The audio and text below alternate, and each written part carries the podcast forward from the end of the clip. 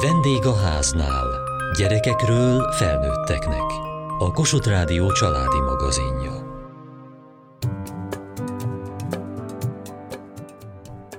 Biztosan önök is ültek már másfél órákat szülői értekezleteken, ahol az egyébként e-mailben is elküldhető iskolai programokat ismertette az osztályfőnök, pedig megfelelő kommunikációval, átgondolt tematikával, jó hangulatú, építő beszélgetések is kialakulhatnak a pedagógus és a szülők között, és ez bizony az osztálynak is javára válhat.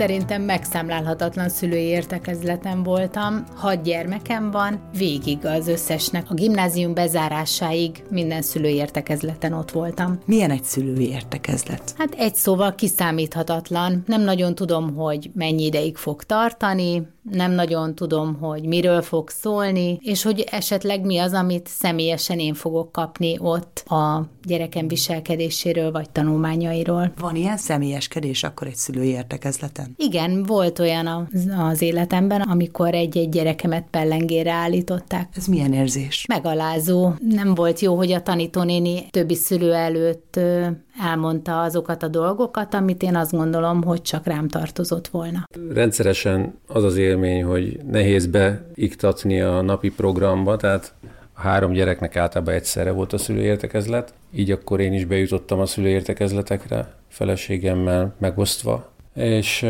hát ugye mindenki mást vár a szülőértekezlettől. Akkor tud probléma lenni, hogyha mondjuk személyeskedésbe megy át esetleg a tanár, vagy a, egy-egy szülő megy személyeskedésbe, és olyan problémákat hoz elő, amit mondjuk ő a gyerekétől tud egyféleképpen, és mondjuk a többi szülő vagy nem is tud róla egyáltalán, mert csak az ő gyerekét érinti a valamelyik ö, szaktanárral kapcsolatban, vagy, vagy egy másik gyerekkel kapcsolatban, és akkor ott a másik szülő kerül nehéz helyzetbe, hogy ott egy ilyen hirtelen problémát. Tehát azt gondolom, hogy ez, ezek a típusú személyes problémák nem a szülőértekezlet témái, hogyha ezek ki tudnak maradni, akkor tök jó tud lenni egy szülőértekezlet. Borbát Katalin pedagógiai szakpszichológus, egyetemi oktató. A szülőértekezlet mumus szokott lenni a szülőknek, de talán a tanároknak is, vagy az osztályfőnököknek, pedagógusoknak is. Hol csúszik el a szülőértekezlet a gyakorlati megvalósítás tekintetében? Igen, alapvetően félre szokott csúszni ez a szülőértekezlet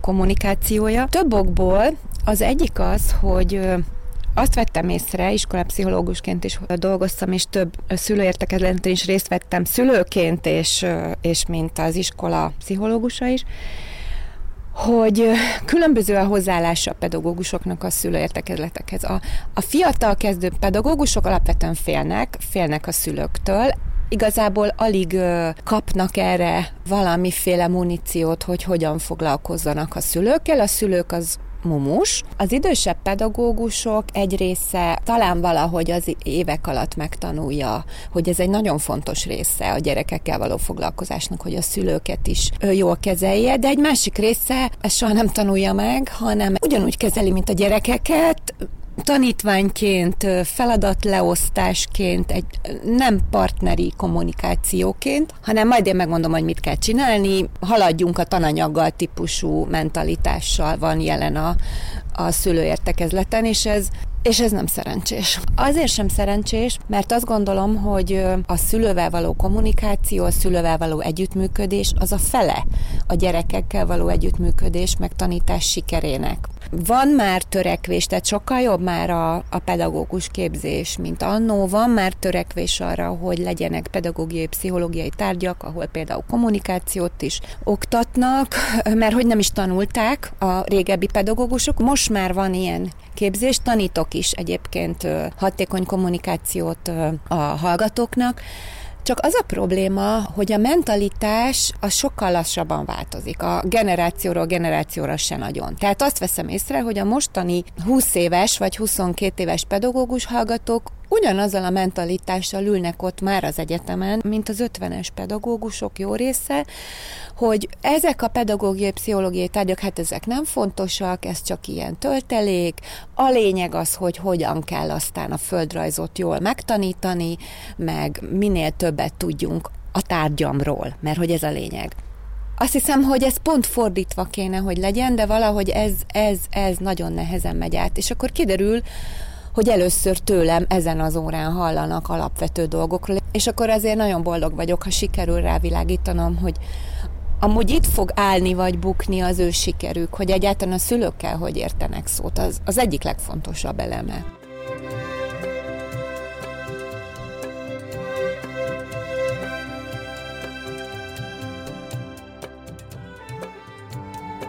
Ön, mint pedagógus, hogyan tudja azt megoldani, hogy minél hatékonyabban és mondhatom az gyorsabban menjen egy szülőértekezlet? Azt gondolom, hogy ez egy nagy átgondolást igényel, Összeszoktam írni a fő vázlatpontokat, amiről szeretnék beszélni, utána pedig a lehetséges problémákat, amit esetleg a szülők fognak kérdezni, vagy esetleg amit én szeretnék felvetni. Gyerekeket kiemelni nem kell, hogyha esetleg versenyeredményeket beszélünk meg, akkor ki szoktam emelni a gyerekek nevét, mert azt gondolom, hogy mindenki tudhatja ezeket a pozitív dolgokat. Negatív kritikákat nem fogalmazunk meg gyerekekről, semmi ilyesmit, semmi személyeset, ezekre a fogadórák vannak. Milyen gyakran kell szülőértekezletet tartani? Nálunk az adott szülőértekezlet körülbelül egy évben három szokott lenni. Évelején ugye egy alakuló szülőértekezlet van, aminek a témája a fél évvel kapcsolatos dolgok teendők. Aztán fél évkor szokott egy lenni ez a fél év értékelése, és május magasságában pedig a második fél évről beszélgetünk. Van egy ideális időtartama a szülőinek? Nem attól minőségi egy szülőértekezlet, hogyha másfél-két-három órásra van elhúzva, amikor már fáradt tekinteteket lát az ember, ember, akkor vagy bevonja őket, és az ő véleményükre kíváncsi, mert ilyenkor egy kicsit feldobódnak, és én azt gondolom, nagyon fontos a humor. Tehát volt már olyan, amikor az elsős szülértekezletünk volt, úgy ismerkedtünk meg egymással, hogy játékkal vontam be a szülőket az ismerkedésbe. Miről kellene szólnia egy szülői értekezletnek? Én azt gondolom, hogy általánosságban kellene, hogy a szülőket tájékoztassák. Jó lenne, ha a szülők évről évre tanulhatnának arról, hogy a gyerekük éppen milyen fejlődési fázisban van, mi az, ami abban az évben várható, hogy az életébe változásokat fog előidézni, mi az, ami nehézséget fog nekik ebben az évben okozni egy új tanári gárda, vagy egy új tantárgy, ami nehéz lesz megtanulni, vagy be fognak lépni a kamaszkorba, és ez komoly változásokat okoz nem csak a gyerek életében, hanem az osztályközösség életében is megtapasztaltam, hogy vajon hogy csattam föl a tanár az osztályra, amikor azok zsizsegnek, mert hogyha mi szülők is nekiánk zsizsegni, és akkor mondjuk az osztályfőnök ugyanúgy felcsattanak, hogy, hogy felkapod a szemedet, hogy hát azért mi nem az osztály vagyunk. De azért többségében jó tapasztalatom van a, e, ezekről a összejövetelekről, a legjobb élmény, amikor a pedagógus egy ilyen közös platformot próbál meghatározni, hogy ő milyen nevelési elvek mentén haladjon az iskolában, vagy fog haladni, és hogy mi szülők ezt otthon hogy tudjuk támogatni, hogy ne egymás ellen dolgozzunk, hanem egymás segítve, így a magatartás terén, vagy a tanulmányi munkák terén, és az sem mindegy a osztályfőnök vagy a szaktanár részéről, hogy ki hányadikat tartja. Tehát, hogy aki kezdő ebben a tekintetben, annak azért nehezebb dolga van sokkal, mint aki mondjuk egy nyugdíj előtti rutinos pedagógus, pontosan tudja, hogy a szülőket mi érdekli, milyen információkat adjon át úgy a szülőknek, hogy aztán az neki az óráin pozitív értelemben visszaköszönjön.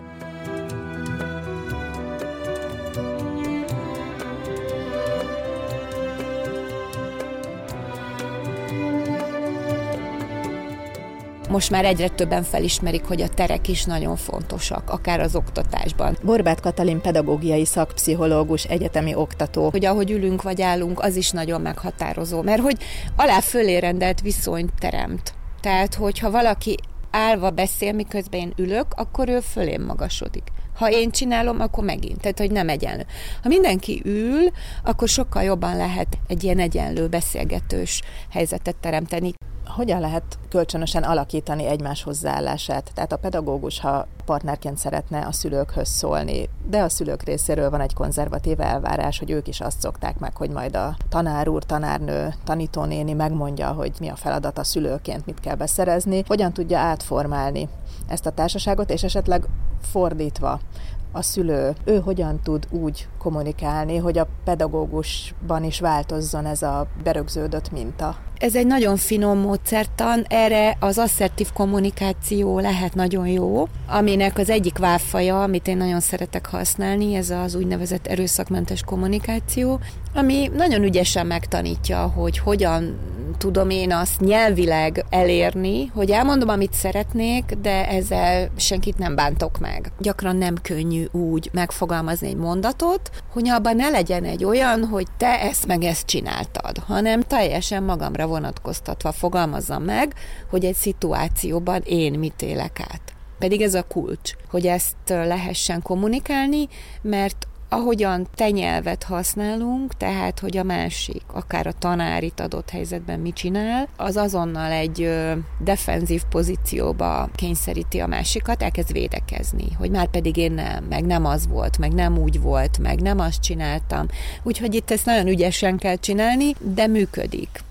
Abban az esetben, ha sikerül asszertív kommunikációt létrehozni a szülőknek és a pedagógusnak egymás között a szülőértekezleten, akkor miről kellene, hogy szóljon egy szülői értekezlet? Azokat a témákat kerülni kellene, amiket meg lehet írni egy levélbe, vagy egy tájékoztatóba.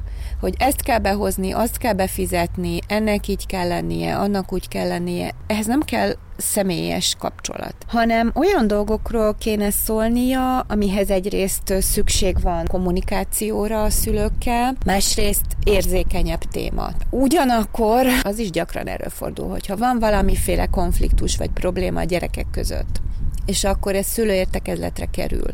Csak asszertív kommunikációval tudom elképzelni úgy, hogy ez jól kezelődjön, mert hogy olyanba is vettem már részt sajnos, ahol a problémás gyerek szülője gyakorlatilag egy ilyen bűnbak helyzetbe került, ahol mindenki összefogott ellene, hogy hát ez kibírhatatlan, ahogy XY gyerek viselkedik, és ez nagyon gyakran a levlisták témája is egyébként. Tehát itt azt hiszem, hogy ez mindig egy rossz dinamika. Tehát ennek az ellenkezője kéne, hogy a téma legyen, hogy hogyan tudunk úgy befogadóak lenni, hogy Józsika ilyen, és hogy, és hogy Józsikát támogassuk, hogy változzon, de hogy a gyerekeket is támogassuk, hogy el tudják fogadni, hogy amúgy Józsika most ilyen, és ő most nem tud másmilyen lenni, mert most tegyük föl, pont a végrehajtó funkciók éretlensége miatt ő egyszerűen nem tudja jobban koordinálni azt, ahogy ő viselkedik.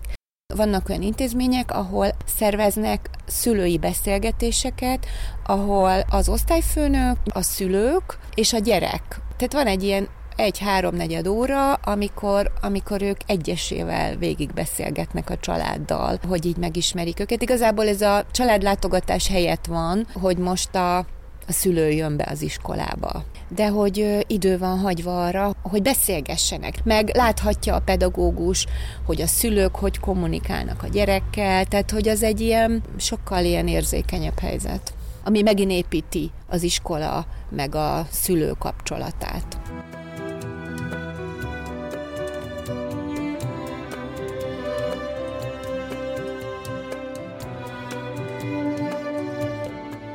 Szülői helyzet ugye alapvetően egy nagyon furcsa szituáció. Sok szülő, akik ismeretlenek egymásnak, bepottyannak egy olyan helyzetbe, amiben a saját gyerekeikről van szó, akik viszont közösségben vannak egymással. Igen, és ez nem biztos, hogy mindig problémamentes, és nem biztos, hogy jó barátok lesznek ezek a szülők, de azt gondolom, hogy ha a pedagógus figyel arra, hogy ezek a szülők valahogy megismerjék egymást, és mivel sokáig együtt fog velük dolgozni, ezért megpróbál valami szülői közösséget is építeni, akkor ez nem egy lehetetlen dolog. Voltam olyan olyan szülői értekezleten, amit egy viszonylag idős pedagógus tartott már, és egy óra alatt mindent elmondott a gyerekekről, a pedagógiai módszerekről, az osztályprogramokról, mindenről, és kézbe tartotta úgy az egész szülői értekezeletet, hogy a kötekedő, a bizonytalan, a nyomulós szülők nem tudtak hozzászólni, és nem nyertek teret, és nem tudtak belekötni sem másik szülőkbe, sem pedig a pedagógusba. Én nagyon szerettem a stílusát, hogy nagyon határozott volt, és kézbe tartotta a dolgokat. Vannak azért szülők, akik túlságosan is aktívak, mondhatom így a szülőértekezleten mit tud tenni ilyenkor egy pedagógus, vagy kell-e ilyenkor tenni valamit? Lezáró mondatokat lehet alkalmazni, amit a szülő is észrevesz. Vagy esetleg egy másik témát fölvetni, és ez nagyon jól beszokott jönni. Kik a lelkesebbek, az anyukák vagy az apukák? Kik figyelnek jobban oda a szülőértekezletre? Kiket lehet elküldeni egy szülőértekezletre? Nálunk nagyon szerencsés a helyzet, mert többször jönnek anyukák, és nagyon sokszor apukák, de ők viccesen mindig listával érkeznek. Ki le van írva, hogy mit kell megkérdezni, vagy esetleg mit kell leírni. Úgyhogy szerintem nagyon kiképzett szülők vannak nálunk. Vannak-e olyan témák, amit mindig érintenek egy szülőértekezleten? Az értékelés és a versenyek szemlélete erősebb, mint az előző években, és ez mindig nagyon fontos, illetve a dolgozatoknak a szempontjai. Mi a különbség igazán a fogadóra és a szülőértekezlet között, mert néha azt érzem, hogy a szülők egy kicsit keverik a kettőt. Sokkal és személyesebb a fogadóra, hiszen ott egy kisgyerekről beszélünk. Itt arra kell nagyon vigyázni mindig egy fogadórán, hogy ne tudjanak a szülők átterelni egy másik kisgyerekre. Tehát mindig tudatosítom bennük, hogy most az ő gyermekükről van szó, és hogyha valami más problémája van, azt ugye vagy együtt négyesbe beszéljük meg más szülővel, de nem vagyok hajlandó soha másról beszélni a fogadórán. A szülőértekezleten nem nagyon szoktunk kitérni gyerekekre, és ebből hogy ők látják, ezért is keresek a fogadóra időpontokat, mert tudják, hogy a konkrétumok a fogadórán zajlanak. A gyerekek mennyire várják a szülőértekezleteket? Mennyire tudnak róla, hogy mi zajlik egy szülőértekezleten? Szerintem tudnak róla, mert mindig elmondják később, hogy az én apukám is volt a születekezet, ami az én édesanyám is ott volt. Örömmel várják, mert mivel nem beszélünk róluk negatívan soha, ezért mindig pozitív lecsapódása van a szülői értekezlet után, és a gyerekek örömmel mesélik otthon, hogy mindenkit megdicsért a tanítónén, és minden rendben van.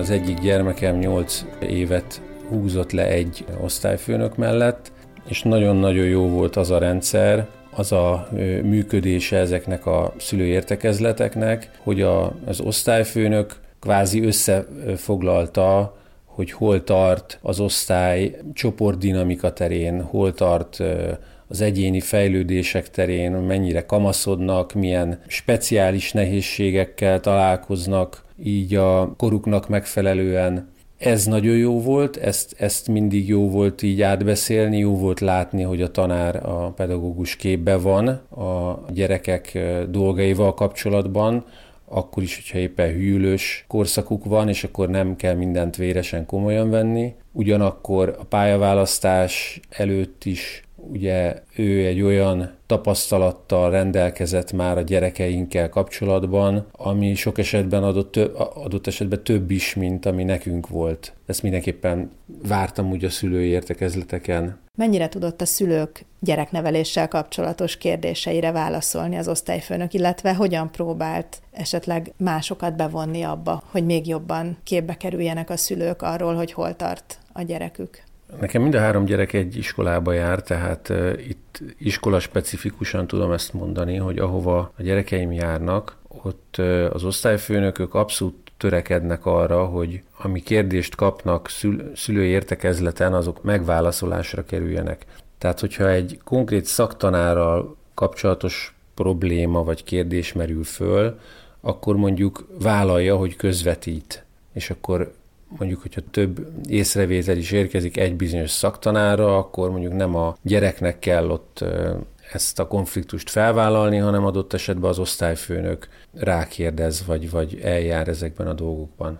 Hogyha olyan ahogy, ahogy kérdezte, neveléssel kapcsolatos kérdés, kérés érkezik, akkor pedig általában az, az szokott történni, hogy a szülői munkaközösség egy-egy ilyen iskolai rendezvény keretében meghív olyan szakértőt, olyan szakpszichológust, vagy olyan pedagógust, aki, aki tud ebben segíteni ezekben a általánosabbnak mondható kérdésekben. Több ilyen iskola rendezvényen is vettünk részt, ahol amit az iskola ilyen tájékoztatás, felvilágosítás célból szervezett, mind drog szempontjából, mind kamaszkor szempontjából, pályaválasztás szempontjából, tehát több ilyen is volt. Amikor én általános iskolás, meg gimnazista voltam, sokszor ilyen rettegés fogott el, amikor arra gondoltam, hogy az én szüleim most szülői értekezletre mennek. Önnek milyen volt utána a gyerekekkel ezek a beszélgetések? Sikerült velük tudatni azt, hogy mi történt ezen a szülői értekezleten? Amikor már felső tagozatosak voltak, akkor igen, akkor leültem és elmondtam, hogy mit hallottam. Elmondtam azokat az informális dolgokat is, hogy hova mennek osztálykirándulásra. Volt, hogy tőlem tudta meg, hogy hova mennek, ez mondjuk szerintem elég furcsa volt, és elmondtam azokat a problémákat is, amiket a tanítónéni vagy a felső tagozatos tanárnéni vázolt, és elmondtam a véleményemet arról, hogy én mit gondolok. Én nem emlékszem olyanra, hogy ilyenkor számunkérés lett volna idehaza, hogy valamelyik gyerek hogy viselkedett az iskolában a szülő mennyit beszéljen meg a gyerekével arról, hogy mi történt, vagy miről volt szó a szülőértekezleten, hogyan és mit mondjon el. Borbát Katalin pedagógiai szakpszichológus, egyetemi oktató. Ha olyan fajta szülőértekezlet, ami egy ilyen konstruktív dolog, akkor kb. mindent mondjon el. Mert hogy egyébként a szülőértekezlet arra is jó, hogy egy ilyen reflexió, más típusú reflexió, amit hall a gyerek a szülőn keresztül a pedagógustól. Lehet, hogy minél nagyobb a gyerek, annál többet mondjon el a szülő. Tehát minél kisebb, annál jobban szűrni, és a gyerek nyelvre lefordítani érdemes azt, hogy, az, hogy ott mi történik meg nyilván nem szerencsés, hogyha a szülő elmondja a véleményét Marika néniről, hogyha éppen az nem pozitív. És akkor itt ezek a dilemák felmerülnek, hogy akkor én mit vigyek haza a gyerekemnek. De én azt gondolom, hogy a szülő jobb, hogyha hosszú távra tervez a gyerekkel. Tehát, hogyha úgy beszél már vele minél kisebb korában, amilyen kapcsolatot szeretne majd a felnőtt gyerekével, meg a tinédzser gyerekével.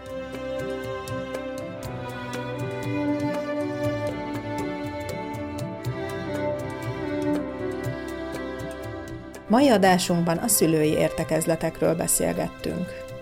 Kövessék műsorunkat podcaston, vagy keressék adásainkat a mediaclick.hu internetes oldalon. Várjuk leveleiket a vendégháznál kukac mtva.hu e-mail címen. Műsorunk témáiról a Kossuth Rádió Facebook oldalán is olvashatnak. Elhangzott a vendégháznál. A riporter Geri Klára, Hegyesi Gabriella, Juhász Tímea, a gyártásvezető Mali Andrea szerkesztette a felelős szerkesztő Hegyesi Gabriella.